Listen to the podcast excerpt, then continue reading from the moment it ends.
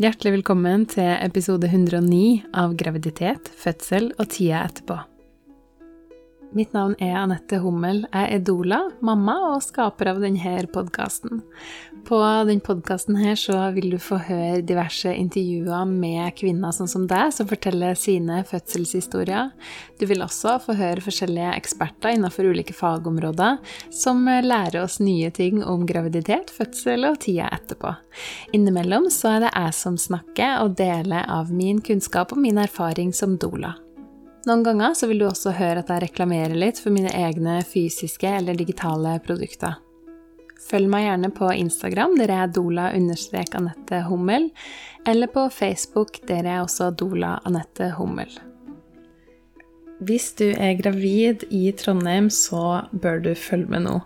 Fordi jeg arrangerer nemlig et mini-retreat for gravide sammen med min gode venninne Dola og yogalærer Trine.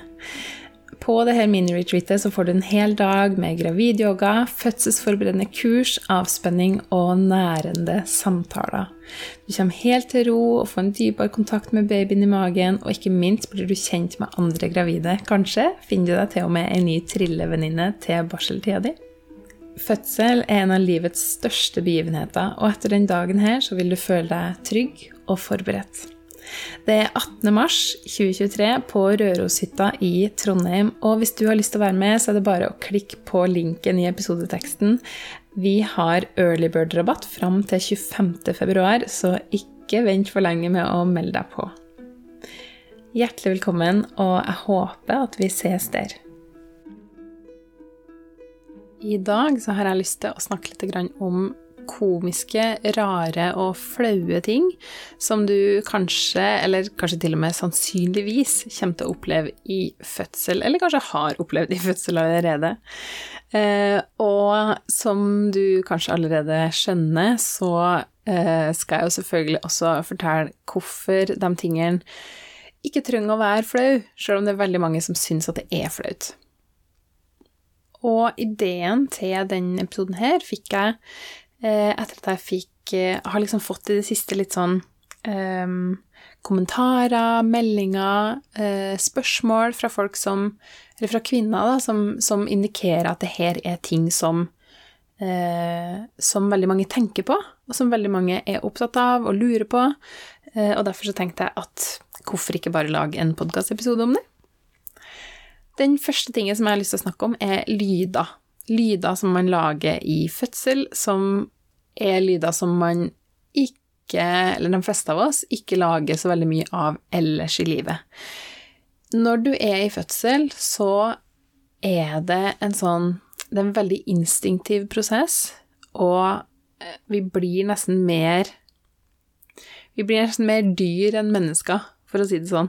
Fordi at vi den delen av hjernen som eh, er i stand til å gjøre logisk tenkning og sånt, den skrus litt av. Så vi er ikke I fødsel så skal vi ikke være i stand til å til å tenke logisk og løse problemer eh, og sånne ting som det. Men vi skal bare gå helt inn i kroppen vår. Noen beskriver det som at, at jeg var bare helt i en sånn transe. Eller jeg var helt i min egen boble.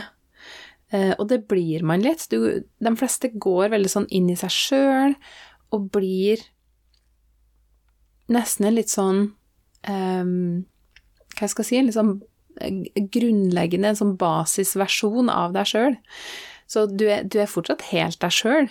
Du er bare ikke den der tenkende, intellektuelle delen av deg, du er den kroppslige delen av deg, som er kjempeviktig. Dette er en kjempeviktig del av fødsel, og det er kjempeviktig for å, for å klare å føde barn. Og vi trenger det, vi trenger å gå inn i den der trygge fødebobla, som jeg liker å kalle den. Og når vi er inni den fødebobla og tenkehjernen er slått av, så er det kjempefint å bare la de lydene som kommer, bare la dem komme, la dem komme. Eh, og for veldig mange så er det lyder som man totalt ikke er vant med å lage. Og det kan være liksom eh, stønning, grynting, roping, veldig sånn eh, langvarig Noen lager lyder som høres ut som man sier mø, som ei ku.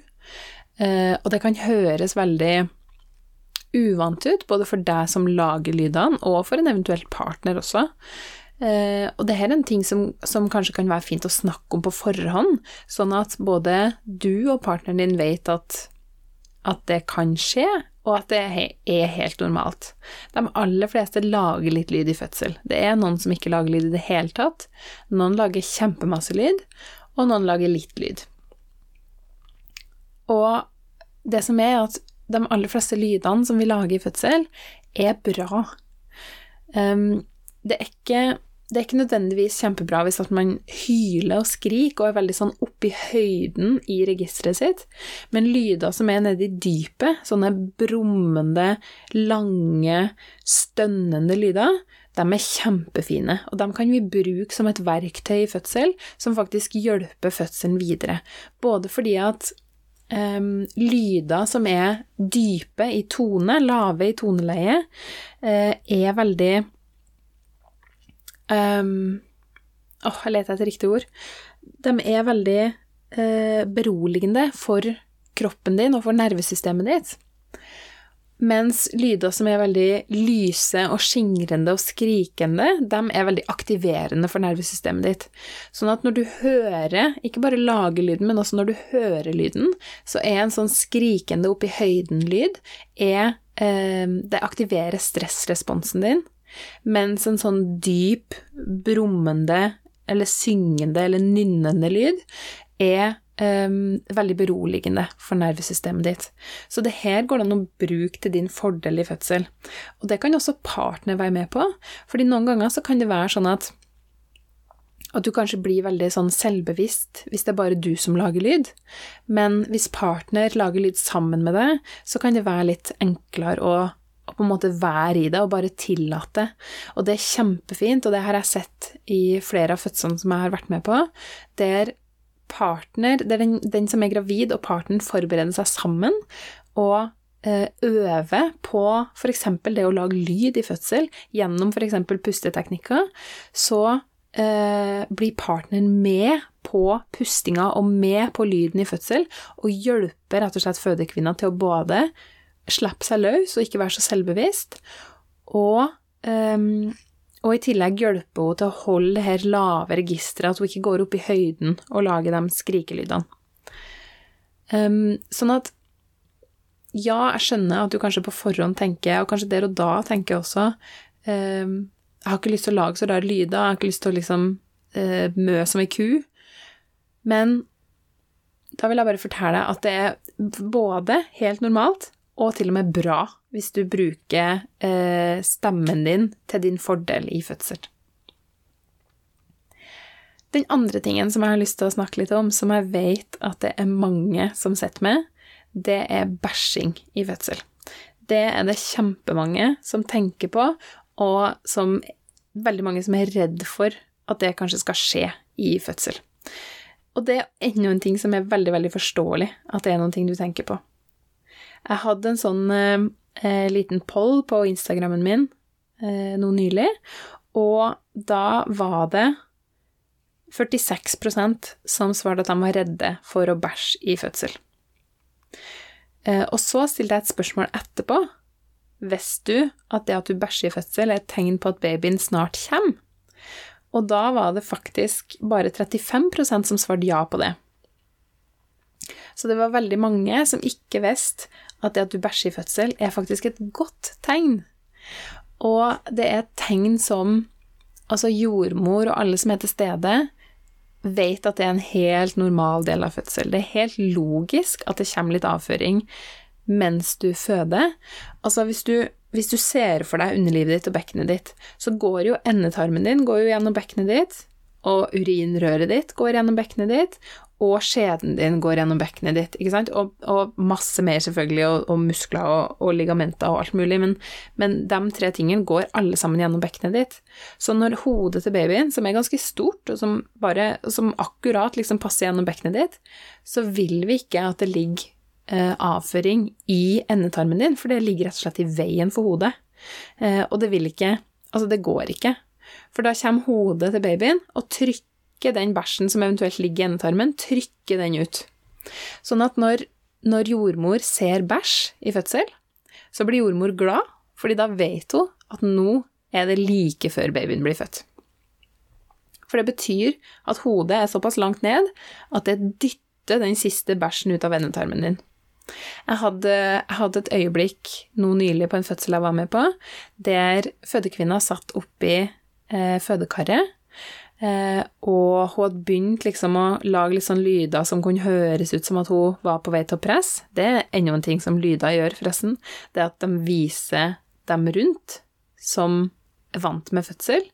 De, det viser dem hvor du har kommet hen i fødselsprosessen. Så fødekvinna i det tilfellet her drev og laga litt sånn lyder som hørtes ut som nå nærmer det seg, nå blir det snart baby. Og så ville jordmor lytte til hjertelyden på babyen, så fødekvinna måtte bytte litt posisjon for å få fram For at mor, jordmor skulle få tilgang til magen. Og da fødekvinna bytta posisjon, så så, eh, så vi, eller det ble synlig, at det lå litt bæsj i bunnen av, av badekaret. Og jeg og jordmor vi kikka ned i badekaret samtidig, og vi så begge to at det lå bæsj der, og så så vi opp, og så hadde vi sånn blikkontakt, og begge to smila og nikka.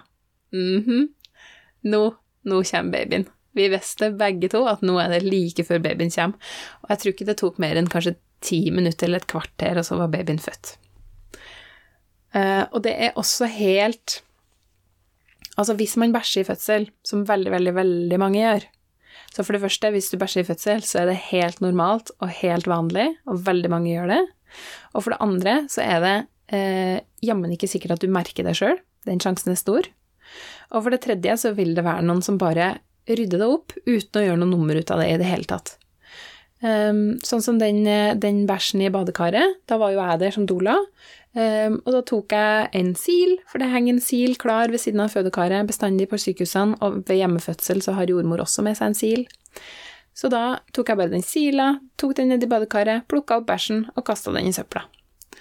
Uh, og hvis du, hvis du, ikke er i vann, hvis du er uh, på land, så vil det være noen som bare tar litt papir og bare tørker det unna. Uh, og stor sannsynlighet for at du ikke engang merker det. Så bæsjing i fødsel også helt normalt, og til og med et godt tegn. Så ikke vær redd for å bæsje i fødsel, feir det heller. Hvis du bæsjer i fødsel, så tenk ja, det betyr Eller hvis du merker det, da, så kan du tenke ja, det betyr at det er like før babyen min blir født. Hurra! og når vi er inne på kroppslige funksjoner, så kan vi også snakke litt om oppkast. Det er en del som er litt sånn eh, bekymra for det med oppkast hvis man har tenkt over det på forhånd. Og så er det noen som spyr i fødsel og lurer på om det er noe galt med dem.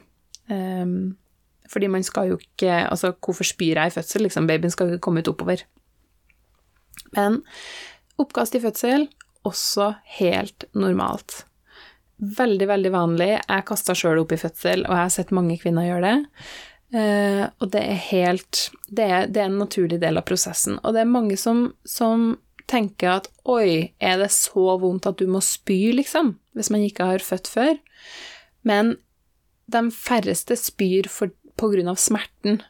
De fleste spyr uh, på grunn av kvalme. Så det er, det er så det er en så heftig hormoncocktail som foregår i kroppen din under fødsel, og det er helt vanlig å bli kvalm av det.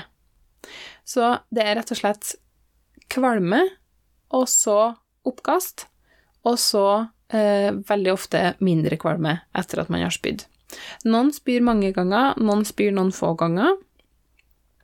Og det er eh, som sagt helt, helt, normalt og helt vanlig og ikke noe farlig i det hele tatt. Ikke noe tegn på at noen ting er galt. Um, det som kan være lurt hvis du kaster opp i fødsel, det er å prøve å få i deg litt næring Prøve å få i deg i hvert fall litt drikke, og aller helst også litt mat. Og jeg vet også fra personlig erfaring at det kan være kjempevanskelig. Jeg tror jeg spiste en kvart banan i løpet av, i løpet av uh, fødselen da jeg fødte min datter Pippi. Um, fordi jeg, jeg kasta opp. Så alt jeg, det, det alt jeg spiste, hører du, det lille jeg spiste, det kom bare rett opp igjen. Um, men sånn er det for noen. Uh, men da er det kjempeviktig å i hvert fall få i seg nok væske, så det gjorde jeg. Jeg drakk uh, saft og vann for å få i meg litt likevel, og litt sukker fra safta også. Og der også så er det selvfølgelig noen andre som rydder opp. ikke sant? Hvis du spyr i fødsel, så trenger ikke du å være bekymra for, for hva som skjer med det rundt deg i det hele tatt. Og så eh, kommer vi til noen ting som som handler om denne overgangsfasen i fødsel. Du har åpningsfasen, som er når, eh, når livmorhalsen åpner seg, og på slutten av åpningsfasen, så de siste par centimeterne, fra sånn ca. 7-8 cm og opp til full åpning, som er ca. 10 cm, så da er man i overgangsfasen. Og i overgangsfasen så kan riene og fødselen og alt Altså både emosjonelt og fysisk så kan det føles ganske overveldende. Det er heldigvis som regel ikke så veldig langvarig, den overgangsfasen, men den kan oppleves veldig, veldig heftig. Noen, øh, noen kvinner øh, altså veldig mange kvinner, de aller fleste, vil jeg si, opplever i overgangsfasen at man mister litt motet, kanskje, og får en litt sånn åh, oh, nei, jeg får ikke til det her, jeg. Det her går ikke. Jeg kan ikke, jeg klarer ikke mer. Jeg er ferdig, jeg får ikke, jeg får ikke det til mer. Jeg gir opp. Jeg får det ikke til. Veldig mange har den følelsen der. Jeg hadde det sjøl også. Uh, og veldig mange uh, ber om smertelindring i overgangsfasen. Eh, sjøl om man kanskje ikke ønsker det i utgangspunktet, noe medisinsk smertelindring, men i overgangsfasen, det er det tidspunktet der de aller, aller fleste ber om smertelindring. Og det er rett og slett fordi at det er, så, det er så heftig i kroppen, og det er så mye som skjer, og det kan oppleves skikkelig, skikkelig overveldende um, når man er i denne overgangsfasen. Og riene er både kraftige og gjerne tette, uh, og man får mindre pause mellom riene. Og det er ordentlig, ordentlig heftig. Og noen blir jo gjort litt sånn narr av eh, av partner, kanskje, i ettertid, med 'ja, det var så morsomt', og du gikk liksom bort og skulle begynne å ta på deg sko og sånn, for nå skulle du dra hjem. Um, og det, og det, er, det, er, jo komisk, ikke sant? Det er kjempekomisk når, når en kvinne som er i aller høyeste grad i aktiv fødsel, sier 'nei, det blir ikke noe baby i dag, jeg gir opp, jeg, det, jeg skal hjem, det, dere kan bare glemme det, det blir ikke noe baby'. Og det er jo kjempekomisk. Men vit da også at det er helt normalt, og igjen så er det faktisk et godt tegn. For når du eh, kommer til det punktet i fødsel der du har lyst til å gi opp og begynne å være litt sånn um, irrasjonell med tanke på Altså, du kan jo ikke bare krysse beina og gi opp når babyen snart er ute, ikke sant? Um, når du kommer til det punktet, så vet vi som er rundt, vi legger merke til det, og vi tenker ja, vet du hva? Det betyr Det betyr at det er like før pressefasen starter. Så veldig mange av de her eh, flaue, morsomme, rare tingene er egentlig et godt tegn. Så også den her med å si 'nå skal jeg hjem, det blir ikke noe baby i dag', det er også et godt tegn. Jeg husker at jeg sjøl, da jeg fødte, jeg hadde tanken eh, under et par rier på rad så hadde jeg tanken nå dør jeg. Det her klarer jeg ikke, jeg bare dør. Jeg dør heller enn å fullføre de greiene her. Eh, og det høres skikkelig, skikkelig heftig ut, det gjør det, men det var bare under ri. Og så når rien var over, så kom jeg litt sånn tilbake til min normale jeg, og da tenkte jeg åh, det er jo et skikkelig godt tegn, det betyr jo at jeg snart er ferdig. Og da ble jeg sånn Eh, da fikk jeg mer energi igjen, og så, og så, kom jeg litt sånn oppå igjen. Fordi jeg ble så glad av den oppdagelsen. Eh, at, eh, at det at jeg tenkte at jeg skulle dø, er et godt tegn. og så hørte jeg nylig fra ei kvinne som var helt rå i fødsel. Hun var så rå.